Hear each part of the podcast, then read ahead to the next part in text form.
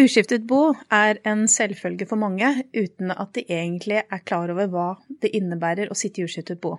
Det som er viktig å være kjent med, er at uskiftet bo, det er ikke for alle.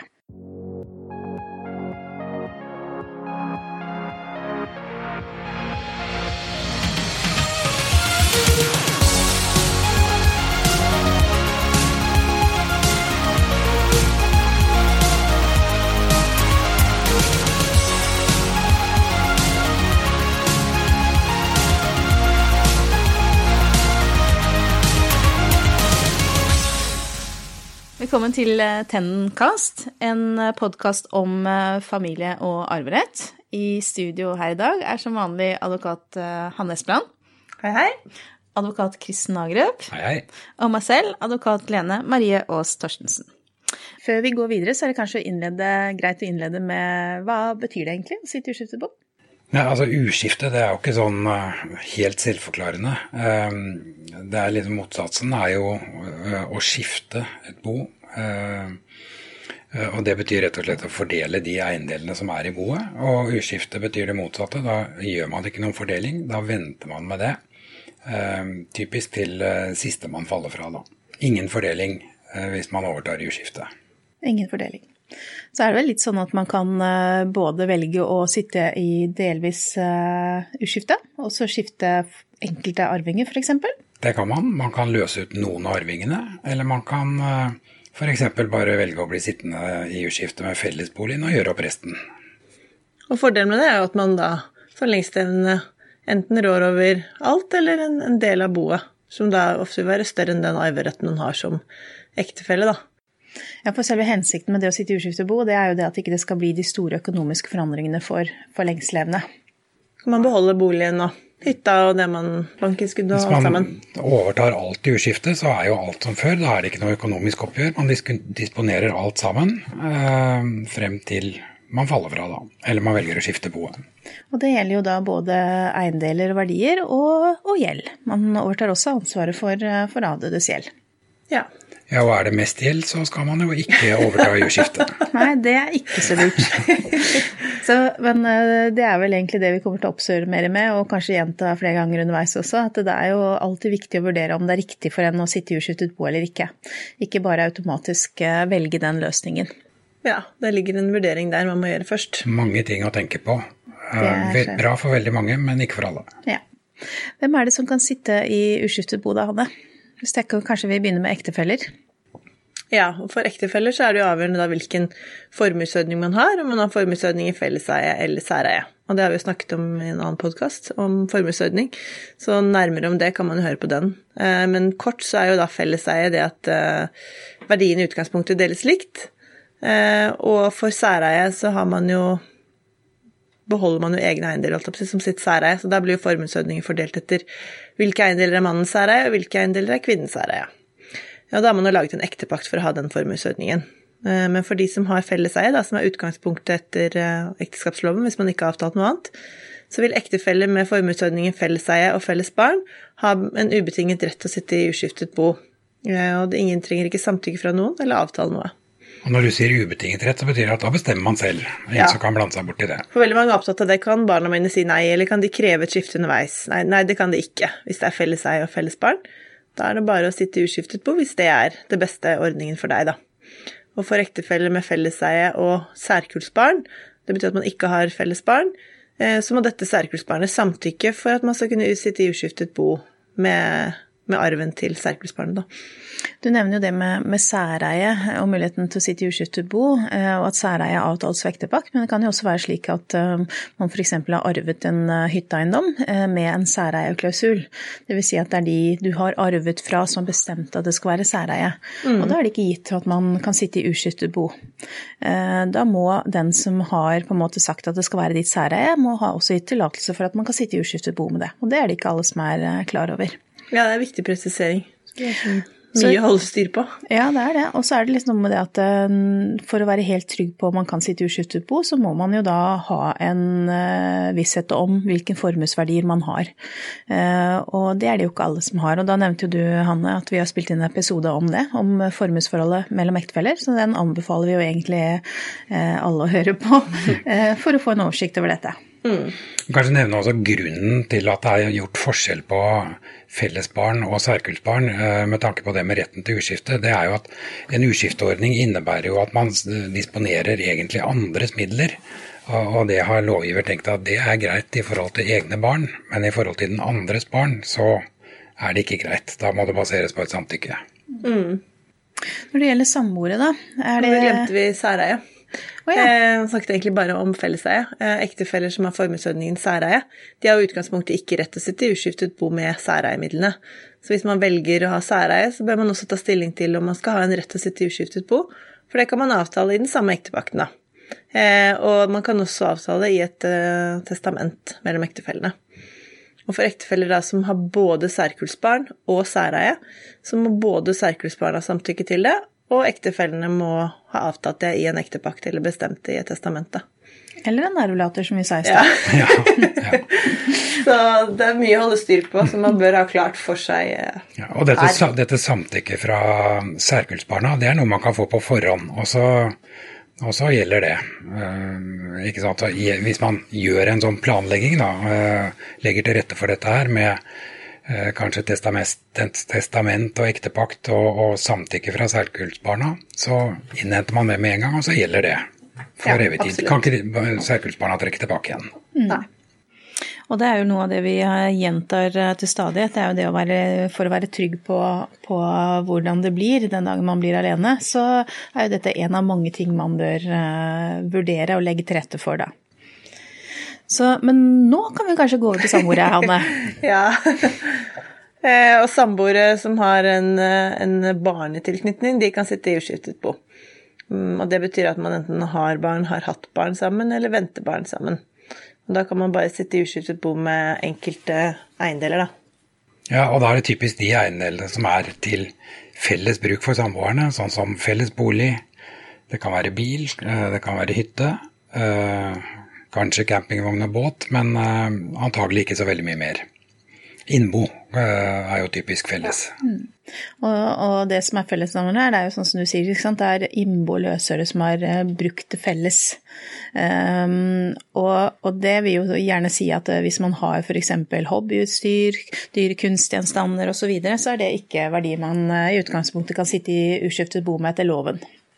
Og litt av bakgrunnen for at det er forskjell, er, er eh, sånn eh, for, for noe tid tilbake så var det jo veldig mye snakk om at samboere skulle få like rettigheter som ektefeller, også med tanke på dette med uskifte.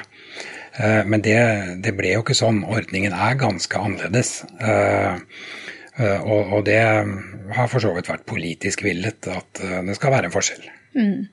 Og noe av det man bør være oppmerksom på, er jo det at uh, i og med at man bare får sitte i uskiftet med enkelte eiendeler, f.eks. fellesboligen, uh, og ikke øvrige verdier, slik som man kan som uh, ektefeller, så må man jo ha da øvrige verdier selv da, til å ivareta utgifter knyttet til boligen, f.eks. vedlikehold osv. Så, videre. så det er jo et regnestykke uansett hvordan man snur og vender på det. Og det regnestykket det er jo egentlig altså hvis jeg blir alene hva er det jeg eier selv, eh, og hva er det jeg eventuelt kan rå over hvis man ønsker å sitte i uskytterbo, eller hva arver man? Og det er jo da summen av det som skal gjøre at man eh, har et eh, godt liv også som enslig, da, etter at man mistet sin kjære. Og samboere kan også testamentere den frie tredjedelen til hverandre. Så de bør også gjøre den vurderingen av skal vi faktisk sitte i uskyttet bo, eller skal vi sikre hverandre ved testament eller på annen måte, da. I og med at de har en mer begrenset rett til å sitte i uskyttet bo, så er det jo også viktig at de gjør den vurderingen. Det gjelder jo også for ektefeller. Ehm, bør man eventuelt testamentere mer til hverandre i stedet for det at man skal sitte i uskyttet bo?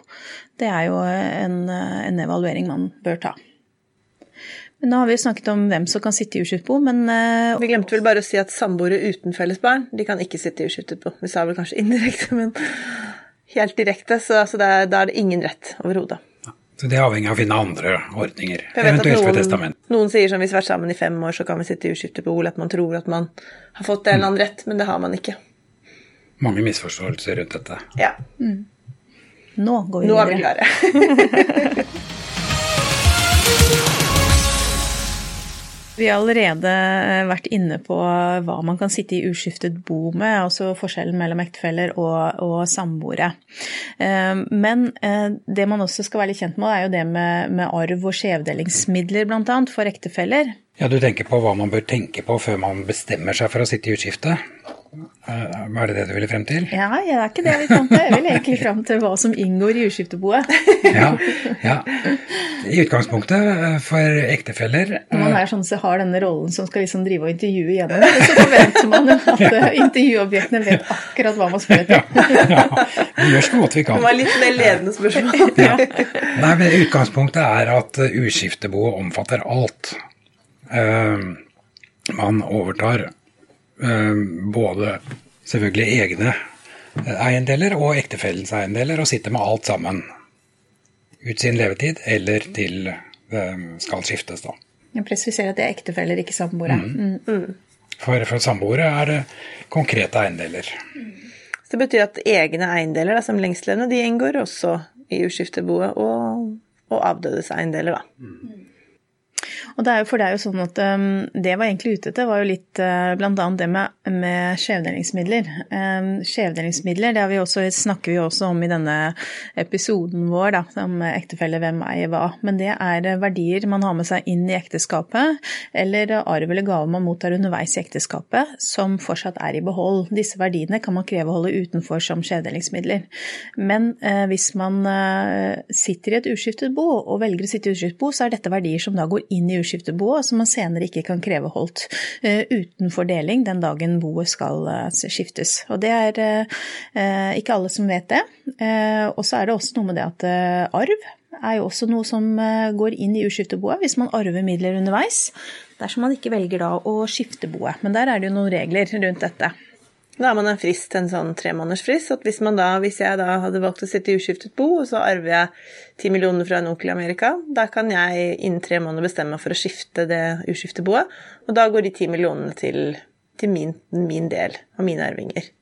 Hvis jeg ikke hadde valgt å la de gå, bare gå inn, og man hadde da eh, felleseie, så ville det deles med 50-50. Dette kommer jo særlig på spissen hvis man har forskjellige arvinger. ikke sant? Hvis man har særkullsbarn, da eh, vil jo, avhengig av hva man velger eh, i en sånn situasjon, så vil man jo eh, gjøre forskjell på arvingene på en måte, da. Ja.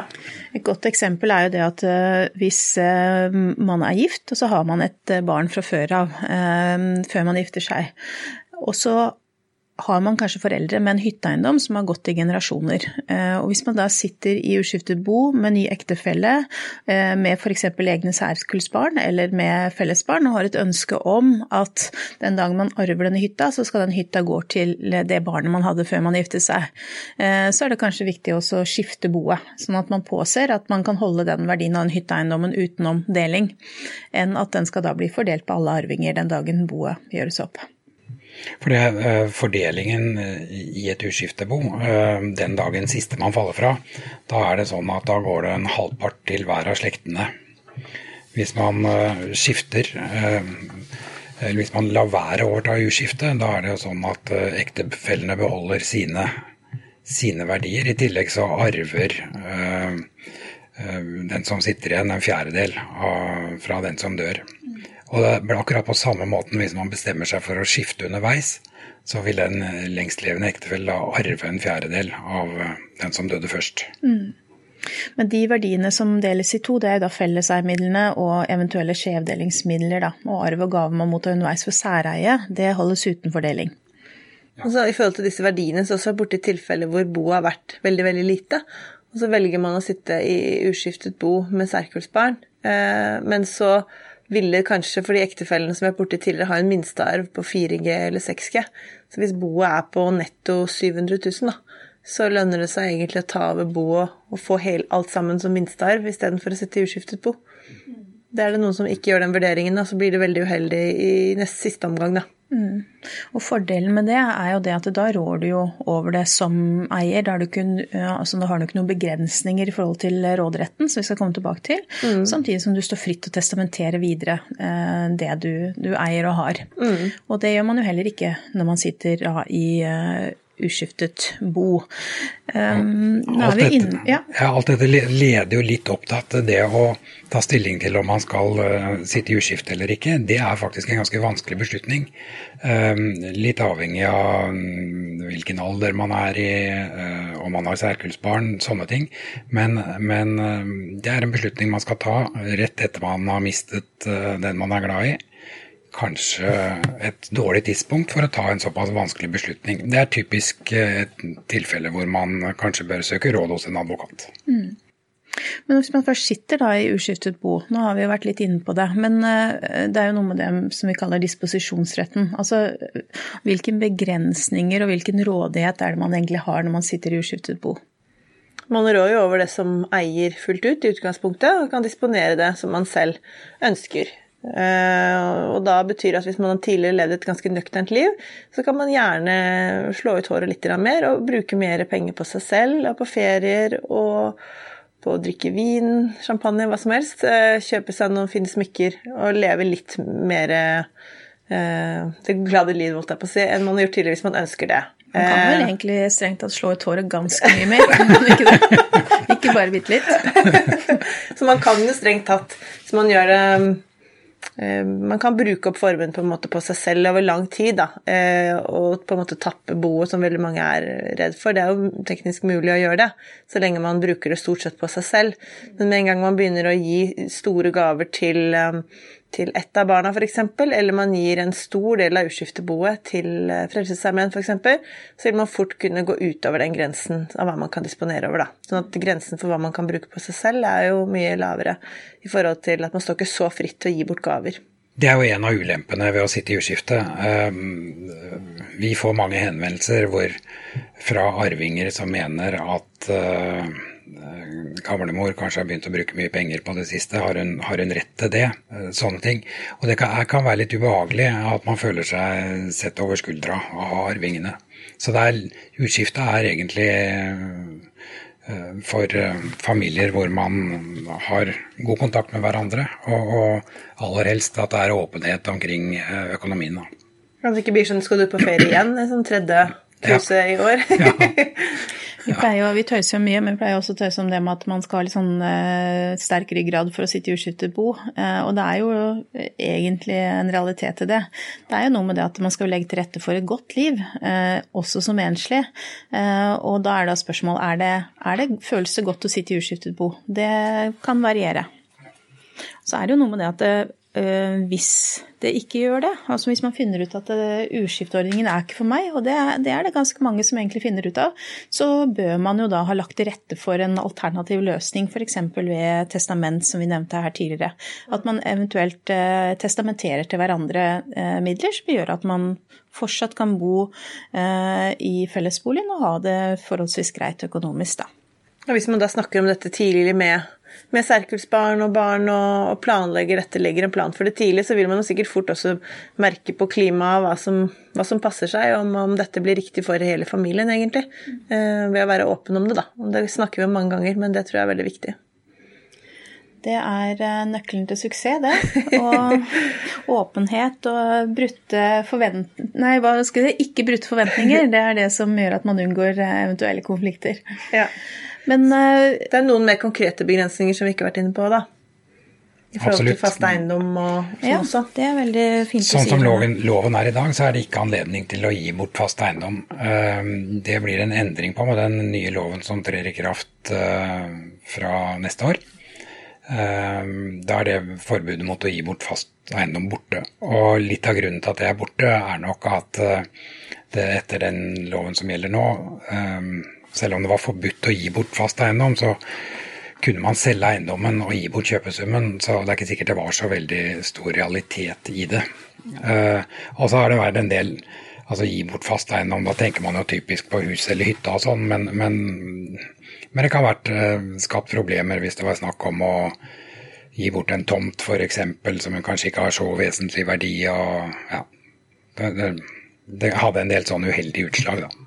Grunnen til det er jo det at man har denne verdibegrensningen. Man skal ikke kunne gi bort gaver som står i misforhold til boet.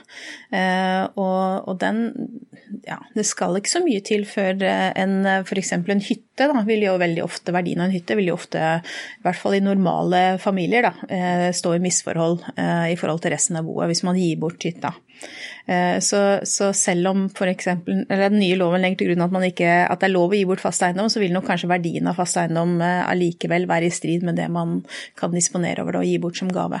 Det og så er det dette med gavesalg også, som har vært masse rettspraksis på. At man mener at man, man selger en eiendom, f.eks. fra uskiftebo, men så er det ikke til takst i det hele tatt da, til en av barna, som får en veldig lav pris. Mm.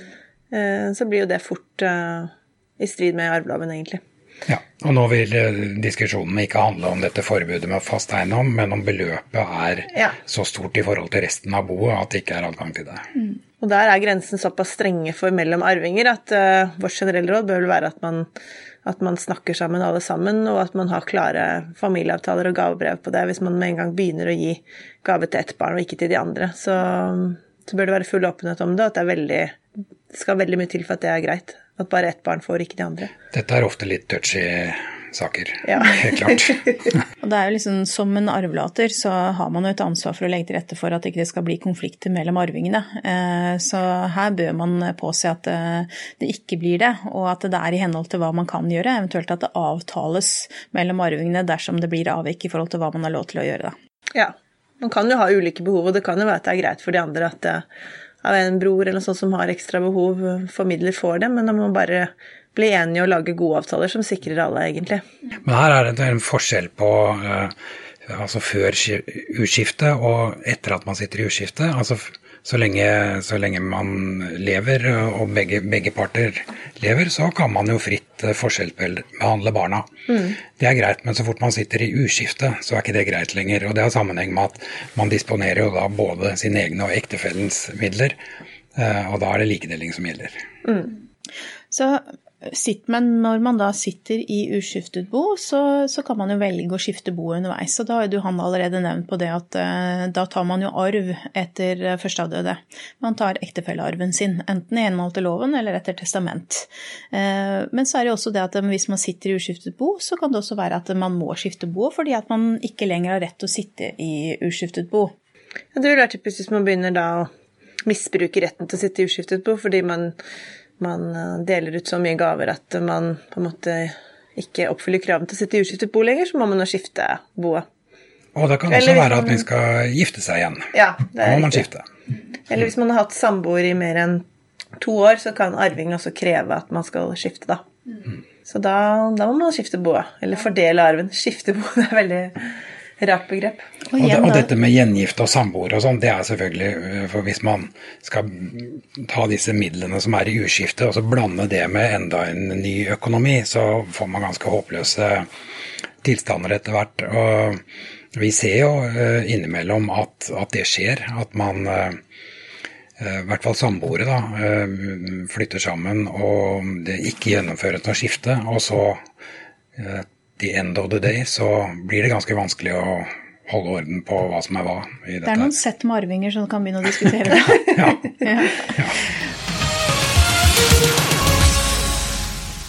Men uh, igjen da, tilbake til det at hvis ikke man da har lagt opp til et løp, uh, et alternativ løp i forhold til det å sitte i jordskifte, så vil igjen lengstlevende kunne sitte i en vanskelig økonomisk situasjon fordi at uh, det man eier i utgangspunktet som sitt eget, og ektefølgearven etter loven i en firedel, ikke nødvendigvis er nok til at man kan ha en, en trygg og økonomisk alderdom. Da. Så, så, her har man jo da mulighet til f.eks. ved testament å legge til rette for to alternative løp. Det ene er jo at man sitter i jordskiftet bo.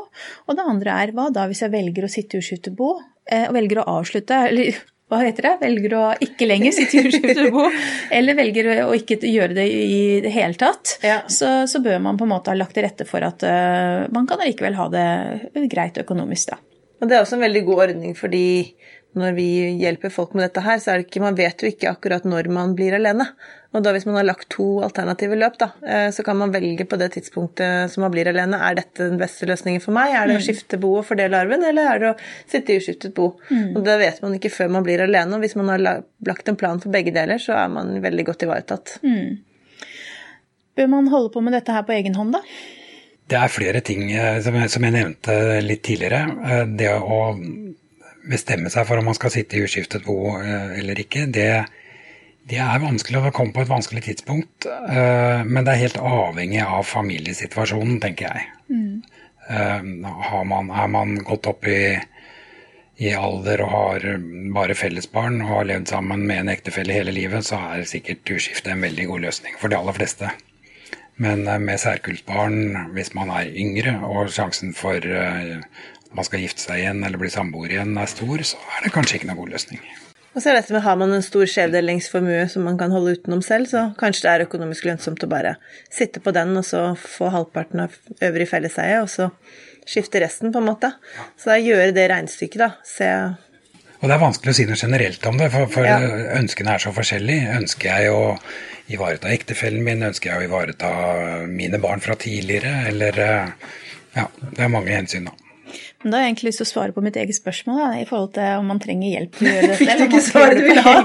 Egen, altså, for å være helt trygg på uh, at det blir slik som man forventer det, så skal man i hvert fall ha et uh, veldig godt forhold til hva, hvilken type verdier man sitter på. Uh, og man skal også vite hvilke rettigheter man har i forhold til det å sitte i uskiftebo, om man faktisk kan sitte i uskiftebo med alt eller ikke. hvis man kan dette og vet dette, så kan man kanskje finne ut av dette på egen hånd. og Hvis ikke så anbefaler nok vi at uh, man bør uh, søke hjelp hos noen som, som, kan litt om det. Hvis noen lurer på, hvis noen ønsker hjelp fra oss, så kan de gå inn på www.tentenadvokat.no, så får du mer informasjon om oss. Ja. Og vi holder til i Vestfold. Da tror jeg vi avslutter med det, og egentlig bare ønsker å vise til de øvrige episodene våre som vi har spilt inn, som vi mener er veldig aktuelle i forhold til det med uskiftet bo. Eh, og det er jo samboere hvem eier hva, og samboere hvem arver hva. Og så er det de to episodene som heter Ektefeller hvem eier hva, og Ektefeller hvem arver hva. Takk for oss. Takk for oss. Takk for oss.